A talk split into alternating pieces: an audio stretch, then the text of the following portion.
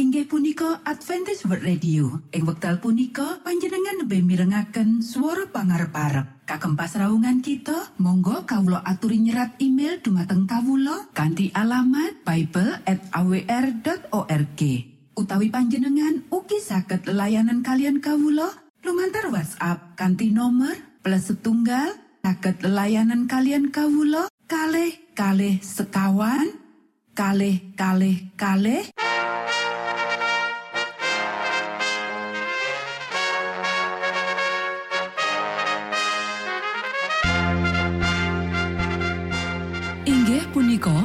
Adventist World Radio ingkang giaran kanti basa Jawi.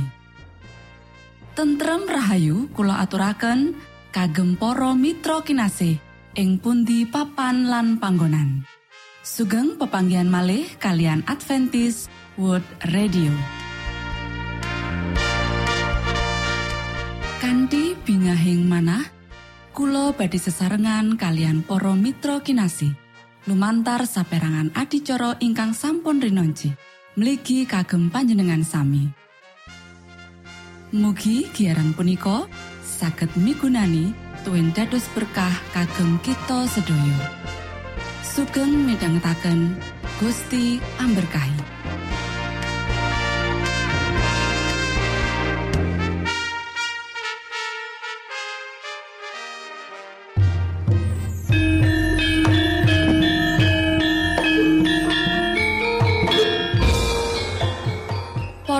Para pamirsa kinasih ing Gusti Yesus Kristus, ing wekdal punika kita badhe sesarengan ing adicara ruang kesehatan ingkang saestu migunani kagem panjenengan saha kita sami. Tips utawi pitedah ingkang dipun aturaken ing program punika tetales dawuhipun Gusti ingkang dipunnyatakaken ing kitab suci. Semantan ugi sakehing seratan ingkang dipun wangsitaken dening Gusti Allah. Nanging saderengipun monggo kita sami midhangetaken kidung pujian.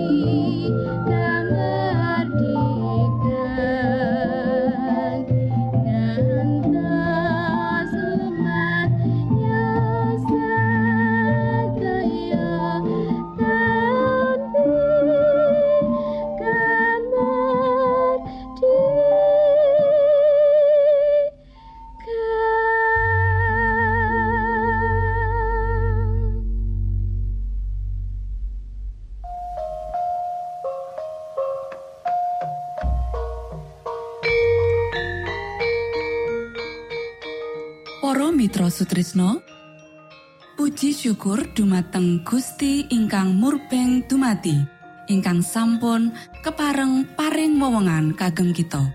Satemah saged nglajengaken ruang kesehatan. Pirembakan kita semangke kanthi irah-irahan. Kasangsaran sing diundang Dewi.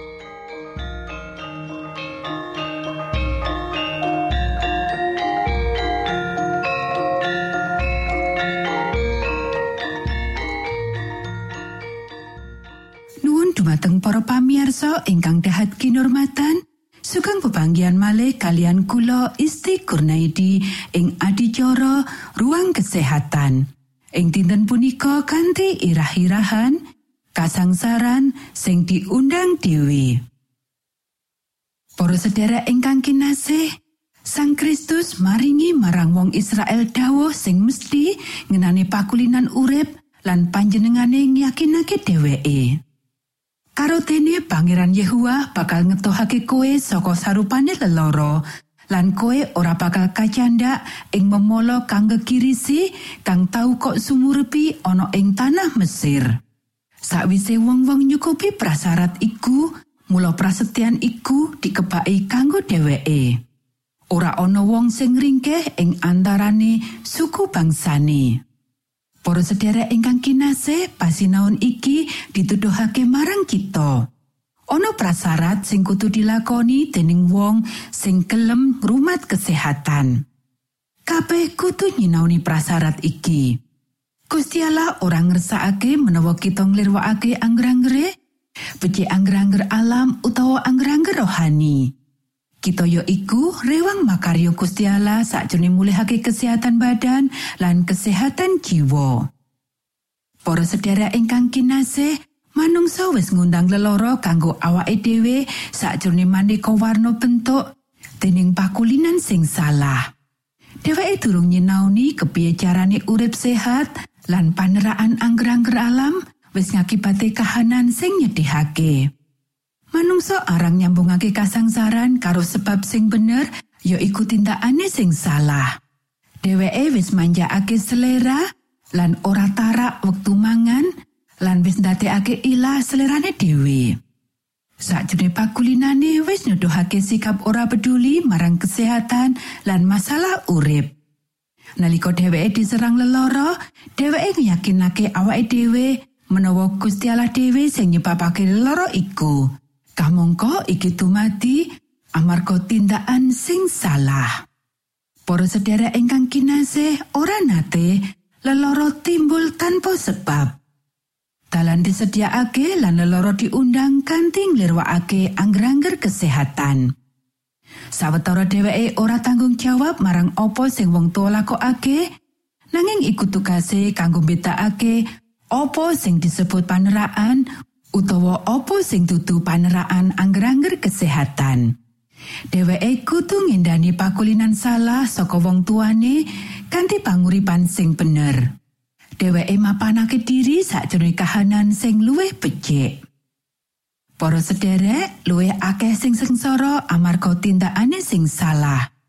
Dheweke nganggep sepele prinsip-prinsip kesehatan sakjroning pakulinan mangan, ngombe lan pakulinan makaryo lan pakulinan nyandang. Paneraan angger-angger alam gawa akibat sing mesti. Ing wektu leloro nyerang dheweke, akeh wong ora gandengake panandang iku karo penyebabe sing sak tenani. Nanging ngersula marang Gusti Allah awit amarga siksaan iku. Nanging Gusti Allah ora tanggung jawab marang kasangsaran sing teko akibat saka paneraan angger-angger alam. Para sederek asring leloro timbul amarga ora tarak sakjroning bab mangan. Apa sing paling dibutuhake dening alam ya iku kalepasan katimbang momotan sing ditangguhake marang iku. Para sederek, pikiran iku ora luntur utawa rusak amarga sinau kanthi mempeng lan sregep. Nanging bab iki asring tumati amarga mangan panganan sing ora sehat ing wektu sing ora pas lan kurang kawikaten marang angger-angger kesehatan. Sinau kanthi sregep tutu penyebab utama saka mrosote tenaga mental. Penyebab utamane ya iku cara mangan sing salah lan ora teratur lan kurang olahraga. Jam-jam sing ora teratur kanggo mangan lan turu nyedot tenaga otak. Matur nuwun, Gusti amberkahi.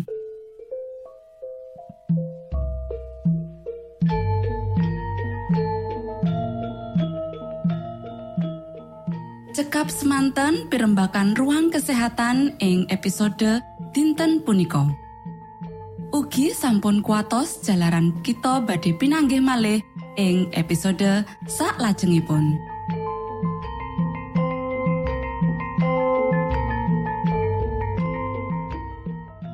Inggih punika adicara ruang kesehatan.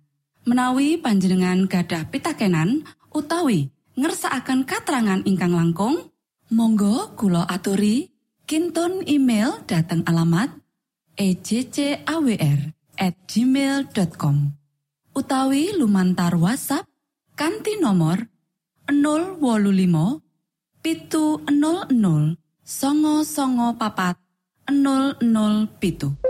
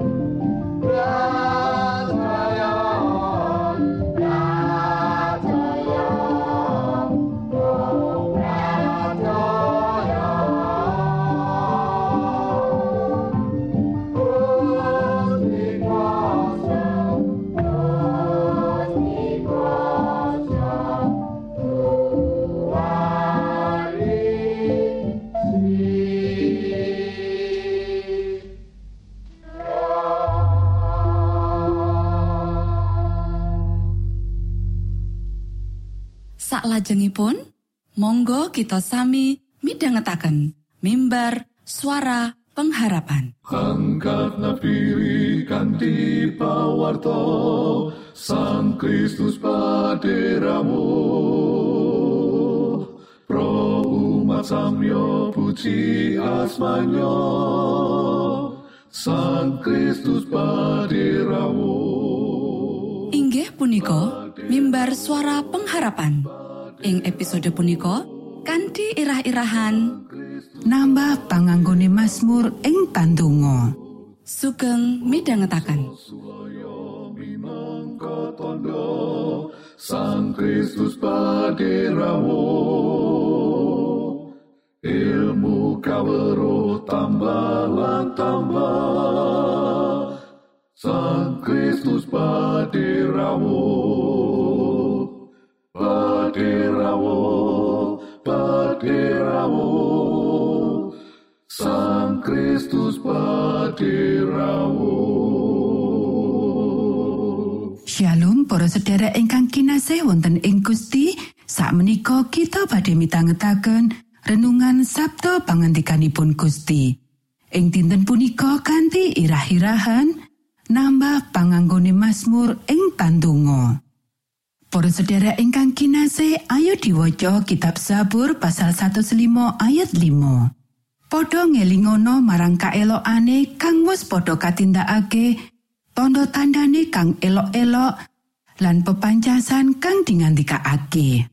Kolose pasal telu ayat 16. Muga pangandikane Sang Kristus tumunung ana ing antaramu kalawan luber satemah anggonmu padha wuruk winuruk lan eling ingilengake nganggo saking kawicaksanan apa dene sinambi nglakokake Mazmur lan puji-pujian sarta kidung kasukman.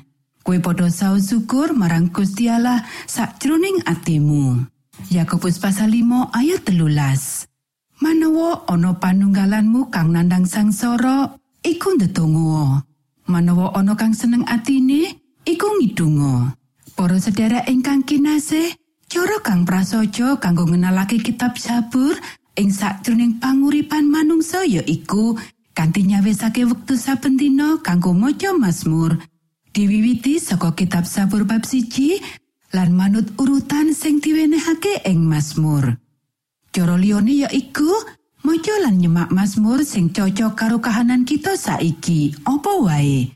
Ana sabur pangadu, sabur pangadu umum, sabur syukur, sabur pramatobat, sabur kekidungan, sabur kawicaksanan, yaiku ngupaya kawicaksanan serta panuntune Gusti Allah, sabur sejarah, sabur kang isine nesu sarta sabur siarah.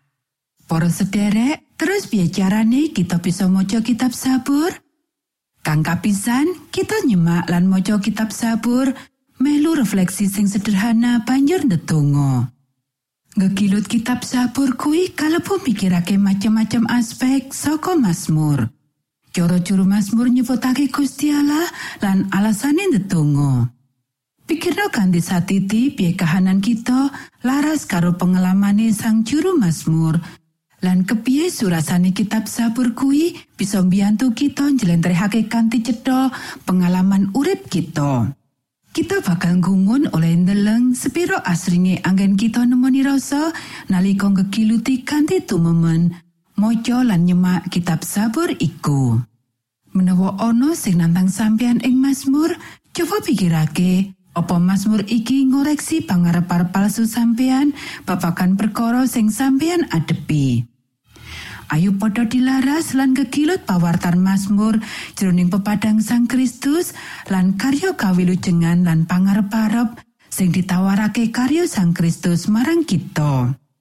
Kaya dene kita mangerteni lan kudu kita mangerteni bab ikutan sambiyantu kanggo ndeleng samu barang ing sajroning kitab suci jroning pepadang Sang Kristus lan salib. Uga upatinen motif kang anyar kanggo kita ndedonga kaya dene kaparing dening Mazmur. Pikirake wikatine kanggo urip kita, pasamuan kita, lan jagat iki nenuwuna marang Gusti Allah supaya nyelehake sabdane ing ati lan pikiran sampeyan. Menawa Mazmur kuwi laras karo kahanan pawongan kang kita kenal, donga syafaat kanggo wong iku.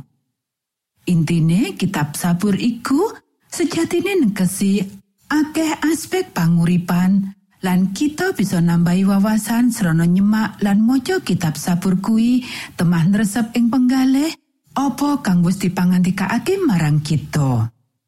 Monggo kita sami ndedonga. Duh Rama kawula ingkang wonten ing swarga, asma patuko mugi kasucikaken. Kraton patuko mugi rawuh. Karso patuko mugi kalampahan wonten ing bumi, kados dene wonten ing swarga. Kawula mugi kaparingan rejeki kawula sak cekapipun ing dinten punika. So patuko mugi ngapunten kalepatan kawula, kados dene kawula inggih ngapunteni tetiang ingkang kalepatan dateng kawulo. Punapa dene kawulo mugi sampun ngantos katantokaken dateng ing panggoda nanging mugi sami patuko uwalaken saking piawon. Awitine patuko ingkang kagungan kraton saha wiseso tuen kamulyan salami laminipun.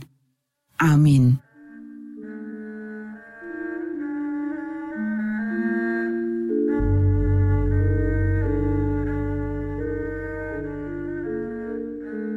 Para Mitra Sutrisno pamiarsa kinasih ing Gusti Yesus Kristus sampun pariporno pasamuan kita ing dinten punika?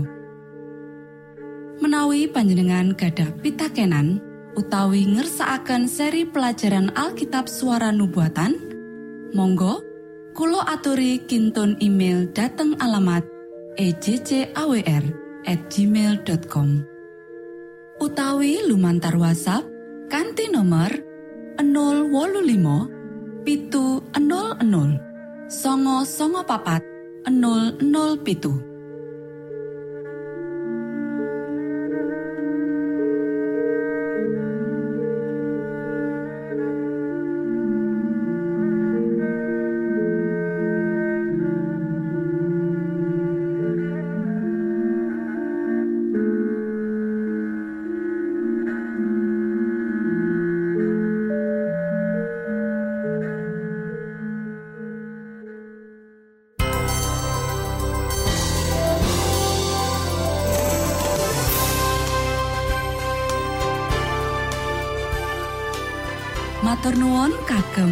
kagem wektalipun kita badhe pinanggih malih ing gelombang ugi wekdal ingkang sami. Saking studio kula ngaturaken tentrem rahayu. Gusti amberkahi kita sedaya. Maranata